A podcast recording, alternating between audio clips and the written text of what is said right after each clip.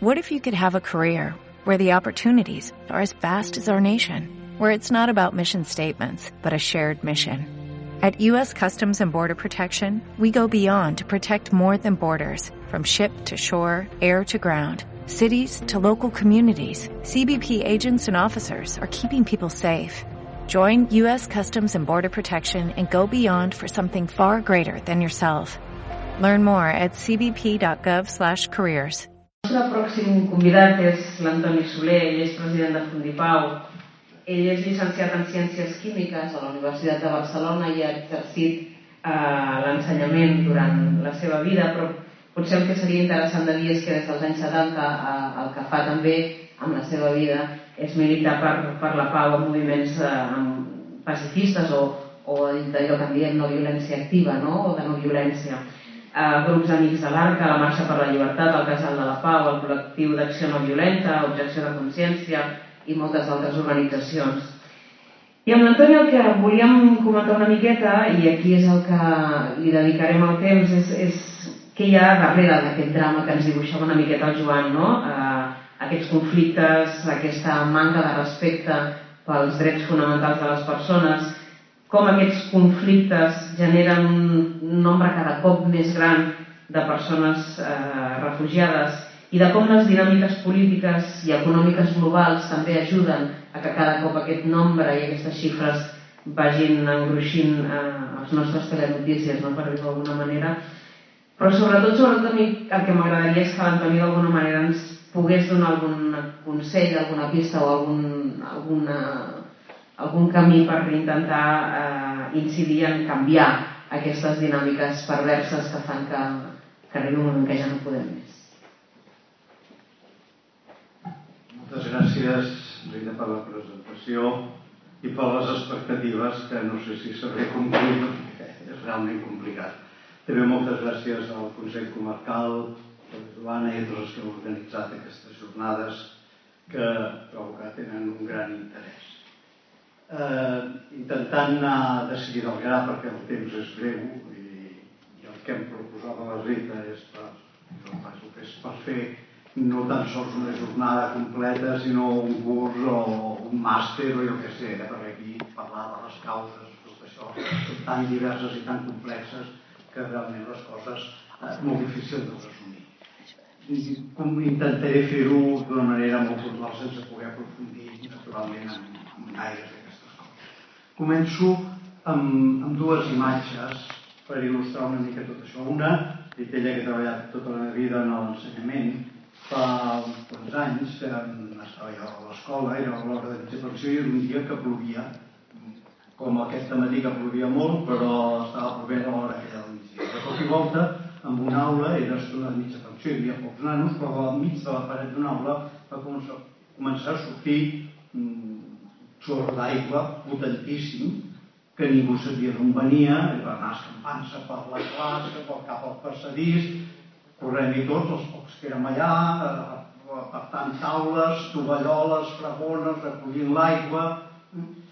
Aquesta imatge a mi m'ha servit moltes vegades, l'he repetit en moltes ocasions, perquè jo recordo que tenia la sensació una mica estúpida d'estar recollint l'aigua quan anava caient, diguem, eh, que reculls aquí si no talles el que surt.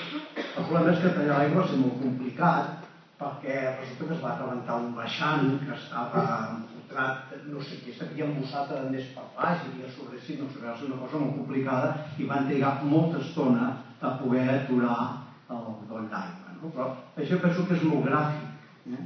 ja m'enteneu, és a dir, aquí ens trobem amb un mullader aquesta pobra gent que ens escrivia eh, que fugen d'una situació i estem fent mans i mànigues uns més que altres eh, per intentar recollir aquesta aigua amb les millors condicions però si no tallem la xeta eh, no ens n'acabarem de sortir no? Per tant anar a les causes, anar a la font és un dels nostres objectius i potser bueno, això és el que em toca incidir des de la meva òptica L'altra imatge que us proposo és una que a mi em resulta, eh, aquesta és més imaginació, no és un fet real, eh? però pensant en la imatge aquesta de l'Ailand, del nano aquest, eh, que va impactar tant l'opinió pública, jo m'imaginava doncs, que fem un primer plan d'un nen mort. Però si després anéssim allunyant la càmera, ens veuríem que aquell nen mort està enmig d'una riuada de gent immensa que fuig corrents i despavorida. No? Jo m'imaginava que això si fos un carrer, pel carrer una multitud corrents i a davant s'hi posa eh, policia, tanques, el que sigui, perquè aquella gent no passi, però va venint una pressió de gent immensa que intenta saltar la tanca, fugir pels carrers laterals, eh, evidentment pel mig gent atrepitjada, morta, etc etc. I aquest carrer es podria dir carrer Europa, i, i ja m'enteneu, no? Però si allunyem encara una mica més el foc, el terrible és que aquest carrer, si ens aixequéssim més, seria un carreró enmig d'una ciutat en què hi ha molts altres carrers, moltes avingudes, per que també fuig gent, i que de fet la, la quantitat de gent que ens arriba a Europa fugint d'aquests desastres és un percentatge molt petit, és un 10 o un 11% de tots els refugiats que ens estan arribant a Europa. Eh? I trobaríem avingudes enormes que serien el carrer Turquia, el que seria el carrer Líban, el carrer Jordània, d'això ho saps més tu que jo, eh? d'altres llocs els que estan arribant riuades immenses de gent. Si aixequéssim una mica més el focus, veuríem que aquests carrers provenen d'unes places en les quals està passant tot allò més horrorós que podem imaginar. Tortures, violacions, bombardejos, fam, misèria... Qui no en fugiria d'aquest lloc? Eh? I les places aquestes també els hi podríem posar nom. No? Síria seria la plaça Síria, seria en moment de persona més, però tindríem la plaça Sudan del Sud, tindríem la plaça Yemen, tindríem la plaça Somàlia, el Congo, etc etc etc. Tenim aquí una llista gran. Eh? Han augmentat els conflictes en els últims anys, de 22, de fons de bany a 35 que en tenim ara. Per tant, han augmentat molt els conflictes armats i per tant tenim moltes places d'aquestes que generen riuades de gent. I si aixequem una miqueta més, potser veuríem que en aquestes places els carrerons més foscos i dissimulats, eh, mal il·luminats, van i venen un trànsit enorme de camions els que van encarregats d'armes i els que els condueixen es peguen les mans i diuen quin negoci més fantàstic. I es justifiquen la consciència dient jo no les disparo per tant no és culpa meva el que faci.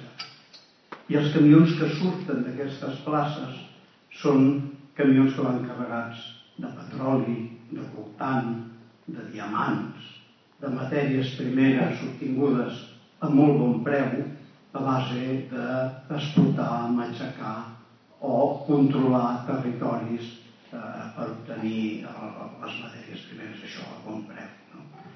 I probablement després veuríem que els mateixos que condueixen aquests camions són els que posen les tanques al carrer Europa. Bueno, imagineu aquesta imatge, a mi em sembla que és una mica el mapa del que volia dir. Si intentem ordenar una miqueta més l'expressió, dient les coses més directament pel seu nom, eh, jo diria que hi ha com dos grans capítols que serien la causa de tot això. La primera és que, evidentment, hi ha conflictes, hi ha situacions de patiment i de desequilibri en el món, eh, i aquesta seria una causa, però després també hi ha una altra, i és que la manera d'afrontar-los, de resoldre'ls, no és l'adequada per dir-ho suau, sinó que moltes vegades és pitjor el remei que el mal. I amb la cosa també ocasionem més dolor i més sofriment i per tant més fugida. Intento descriure molt ràpidament aquests dos capítols. El primer, eh, situacions de sofriment, de desequilibri, de conflictes. El que en podem dir, on diem moltes vegades en el llenguatge del món pacifista, la violència estructural estructural vol dir aquesta, la que no es veu, la que no és violència física, però que és la causa de sofriment, de mort, de dolor de molta gent perquè viu en el desequilibri, en la injustícia, en l'atropellament dels drets humans, etc etc. No, no Però en, aquests, en aquestes places de les que parlava, en aquesta segona imatge, hi trobaríem mm, diferents causes. Una de les bases podríem dir que és com una mena de substracte antic que hi ha allà en aquests territoris, tant d'Orient Mitjà com de l'Àfrica, hi ha conflictes latents preexistents a la, a la intervenció occidental. Eh, per exemple, en el cas de l'Orient Mitjà, doncs trobaríem els conflictes entre xiites i sunites, eh, problemes del mateix islam, com s'afronta la modernitat i les dificultats que tenen eh, uns que la rebutgen més radicalment, altres que s'hi volen adaptar, això entre ells genera conflictes i dificultats, i aquestes hi són. Eh, a l'Àfrica trobaríem, doncs, naturalment, diferents ètnies eh, en conflicte, rivals de molt temps, tot això hi és. No? I per tant, tampoc podem desconèixer que això hi és. Però en aquest substracte, mmm, després hi intervé Occident, i intervé com un elefant en una botiga de terrissa, que es diu, no? on hi ha un equilibris més o menys delicats, aquesta intervenció genera una trencadissa eh, tremenda. Eh? Eh, per exemple, en el sistema econòmic que podia ser més o menys de subsistència, una economia de subsistència local, segurament molt fràgil i molt feble, però en la intervenció en el colonialisme eh, doncs és, aniquilada per transformar-la en una economia al servei de la metròpoli. Eh? Conregareu cafè perquè ens interessa, o cotó perquè ens interessa, i no el blat de moro que menjava o el mig o el que fos. No? Eh, explotareu les mines, per tant és aniquilar una economia de subsistència per una economia al servei de la metròpoli.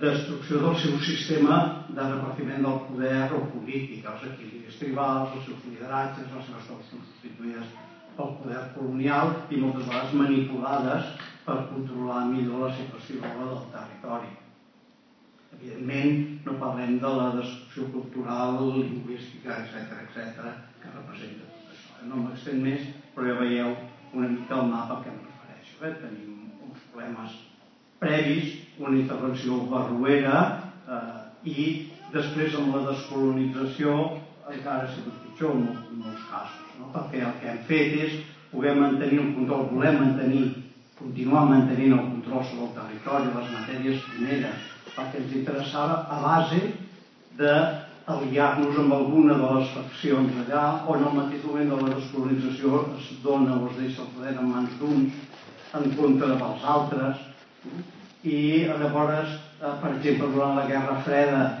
si un bloc eh, donava suport amb un l'altre immediatament donava suport a l'altre i l'armava perquè llavors d'allà en podien treure més pedaç jugaven la partida d'escacs entre els dos blocs a base d'enfrontaments en els llocs aquests, dic molt ràpidament, però suposo que entenem una mica, eh, posteriorment amb la caiguda del mur de Berlín i la, la, que va ser tema aquest dels blocs, això ha acabat amb una desintegració total i ens trobem amb mil faccions, eh, en molts casos, que ara són armades per uns o pels altres per aconseguir això, les matèries primeres de bon preu, i que aquests dominen els uns i dominen els altres. Total, una trencadissa espantosa. Eh, senyors de la guerra, eh, a l'Àfrica ho sabem, etc etc. A l'Orient Mitjà passa una mica el mateix, no és tant el poder colonial, que també hi és, però al final de la Primera Guerra Mundial l'imperi romà és fraccionat, repartit per les potències, fronteres artificials, tots aquests equilibris entre sunites, xiites i i després tots sabem que hem anat buscant règims aliats allà. Eh?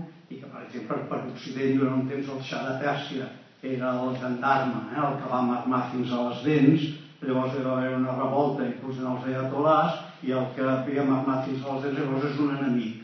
Aleshores hem d'alimentar el Saddam Hussein a l'Iraq perquè li faci ombra, una guerra tremenda entre Iran i Iraq durant anys fins que el Saddam Hussein també resulta que se'n gira en contra. Eh? I després hem anat alimentant amb altres, eh? per exemple l'Aràbia Saudita, i etc. I d'aquí tota aquesta trencadissa i tot això eh, en tenim la situació que tenim. Deixo aquesta primera part. La segona, a sobre de la trencadissa feta i dels conflictes que ja hi ha, tenim un problema gravíssim de com afrontem els conflictes en què ens trobem. Uh, mireu, uh, per dir-ho ras i curt, eh, és a dir, el que preparem globalment eh, com a humanitat i de forma així uh, oficial almenys per resoldre els conflictes és militarisme i armamentisme i, no, i molt poques altres coses. Eh, en bona part, ja sabeu que l'ISIS, famós com l'estat islàmic, en bona part és fruit d'antics funcionaris del règim del Saddam Hussein, eh, que després es disfressen de fonamentalistes, etc. Les armes que s'han donat amb uns per defensar-se del mateix estat islàmic han acabat en mans de l'estat islàmic, perquè allò és un caos, eh? la venda d'armes, eh? anar abocant armes en aquell territori, l'únic que fa és encendre més el foc i que caiguin moltes vegades en mans dels que no voldrien. Eh? Evidentment, eh, l'altre dia sentíeu que deia que almenys els bombardejos d'ara sobre l'Apple algú intervé, perquè allò és una carnisseria una mica bèstia fer una observació d'aquest estil. Eh? a vegades m'imagino, eh, no sé, una situació límit, eh? però imaginem-nos que hi ha uns atracadors o uns terroristes que entren, no sé, en un banc, que segresten la gent que hi ha allà, els tenen com hostatges. Ara imagineu-vos que la resposta de la policia per, eh, per fer això fos bombardejar tot el barri. Eh? Evidentment s'acaba el problema Clar, la meva pregunta és qui causa més morts? L'estat islàmic o els bombardejos que s'estan fent sobre? És tolerable pensar en una cosa d'aquest estil per resoldre? Això no vol dir que no haguem de fer res, eh? però sempre se'ns posa d'una manera interessada la disjuntiva de no fer res o bombardejar. I aquesta és una alternativa enganyosa, falsa, interessada en la que no hem de caure. Hi ha moltes altres coses a fer que no són ni l'una ni l'altra. No podem fer que la resolució del conflicte sigui pitjor que el problema. I això és el que estem, el que estem fent. Intento ara dir alguna cosa positiva. A veure, si podem. Sí. Eh? Mireu, solucions. Doncs hauríem d'explorar dues vies. Eh? Una que seria la via de desactivar el conflicte i una altra que seria la manera com els afrontem. Eh? I aquí hem de... Evidentment, després hi ha una altra cosa, ell, eh? l'aigua aquella que va caient, hem d'acollir-la amb el màxim de dignitat, amb el màxim d'eficiència, amb el màxim de justícia. Però si anem allà a les causes, jo crec que hem d'anar a l'origen dels conflictes i hem d'anar a, a la manera de resoldre'ls. Què podem dir de l'origen dels conflictes? Clar, aquí són paraules molt gruixudes i que és molt difícil d'analitzar aquí. Però clar, aquí tenim un problema gravíssim del sistema econòmic absolutament expoliador i que és molt difícil eh, clar, què hauríem de dir? La realitat és que el que hauríem de fer és procurar condicions de vida dignes i de desenvolupament ordenat en els llocs d'origen i amb això evitaríem aquesta forma. Això és molt complicat perquè estem vivint en un sistema econòmic absolutament depredador eh, que tots nosaltres, estem al dir de parells, després acabaré altra vegada aquí, en el fons, en el fons, ens va una mica bé. Perquè tots volem el telèfon mòbil, com deia abans, i si és més barat millor que si és més car. I per tant, no ho diem, però ens va bé que treguin el voltant amb el preu d'allà. I si comencessin a fer-ho bé i si comencessin tothom a comerciar amb unes condicions de comerç just, potser ens empobriríem i potser no ens agradaria. I potser aleshores el govern que hagués fet això eh, a les següents eleccions no, no es menjaria res. M'enteneu, no? I per tant, clar, estem aquí entre tots mantenir una tensió que fa que el sistema econòmic sigui realment depredador. Eh, a nivell personal, clar que es poden fer coses, i a nivell col·lectiu també, eh? totes les campanyes de comerç just, però bueno, mirar-nos nosaltres, eh? en què, en què com eh, pressionem amb els nostres actes, no només amb les nostres paraules, és un tema important. Eh? I tot el que sigui dels treballs aquests de cooperació, de desenvolupament en origen, doncs tot això seria via fonamental no puc... Bueno, després hi ha el tema de la governança mundial. Aquest és un tema gravíssim. Eh? Com intervenim, eh? passant ja al següent bloc. Clar, aquí resulta que també estem a, a la llei de la selva. I em sembla que serveix, acabo de seguida, eh? eh, em serveix fer una mica el paral·lelisme amb el que passa a l'interior d'un estat. Deia abans, amb el cas aquell imaginari d'un segrest o del que sigui, no? per què li exigim a la policia a l'interior d'un país? Doncs que sigui que resolgui els temes, però de manera el menys agressiva possible. Quan la policia tira una pilota de goma, hi ha una revolta popular. Si la porra la fa servir massa lleugera, també. No diguem si treu una arma de foc un policia que el retiren del servei immediatament. Tot això què vol dir? Vol dir que l'ús de la violència no és ben acceptat, almenys d'una manera absolutament barroera. No? eh, si mirem també l'interior de l'Estat, la violència practicada entre ciutadans és il·legal. I si jo tinc un conflicte, doncs he d'anar pels mètodes judicials o pel que sigui, i l'Estat es reserva eh, l'ús de la violència per casos extrems encara, com hem dit, en situacions eh, molt limitades i controlades. No? Clar, a nivell eh, internacional estem a la selva estem a la, la llei del més fort, l'oest americà. Jo sóc més ràpid que tu, jo tinc l'arma més poderosa, el que sigui, però ja està. I així funciona. No? I sí que és veritat que ha començat a haver-hi eh, intents eh, de governança mundial, com les Nacions Unides i totes les organismes que en depenen, però és evident també que són extraordinàriament febles i que els mateixos estats i doncs bloquegen eh, quan els interessa. No? Per tant, aquí tenim un altre camí eh, extraordinàriament important. No? I també en el tema aquest, el control de l'armamentisme, per exemple.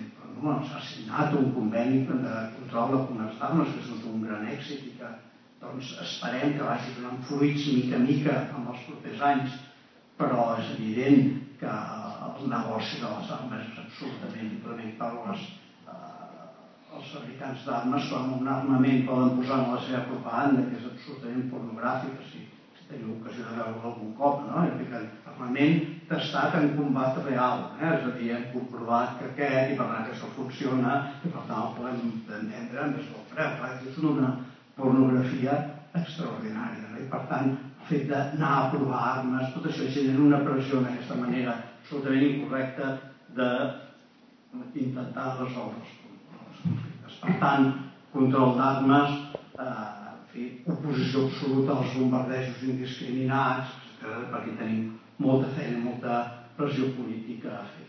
I acabo una mica allò que us deia abans, eh? el nivell personal. Atenció al que comprem, com ho comprem, les coses mirem una miqueta més enllà, perquè això té conseqüències, eh? el que exigim.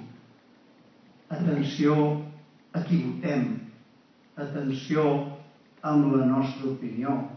I fixeu que això ho dic en un moment que acabem de venir un cap de setmana en el que l'opinió pública i no els governs ha dit que no a un acord de pau a Colòmbia, que l'opinió pública ha dit que no a acollir un mínim de refugiats ridícul, que és el que li tocava per quota, i han dit que no, i és l'opinió pública aquests dies que hem de veure, no sé si avui o ahir, eh, Gran Bretanya comença a posar traves al contractar eh, estrangers, etc etc. Som una societat espantada i esporguida, estovada per la crisi i aquesta por, eh, aquesta eh, estovamenta que tenim, el que ens fa moltes vegades és que en lloc de mirar cap amunt mirem cap avall i en lloc de donar les culpes a qui ens ha pres el pa eh, els hi disputem les engrunes que ens queden amb els que estan pitjor que nosaltres i que les hauríem de compartir. No? I el populisme, la xenofòbia ve d'això, ve de trans, eh, les nostres pors projectar-les cap avall en lloc de projectar-les cap amunt. I per tant, jo crec que això, com a opinió pública, és una cosa a la que també ens hi hem d'empenyar i fer-nos sentir. No tenir por de la gent miserable en circumstàncies molt difícils que ve cap a casa nostra, sinó conjuntar-nos tots junts cap a aquells que els hi prenen el pa amb ells i els el prenen a nosaltres. Gràcies.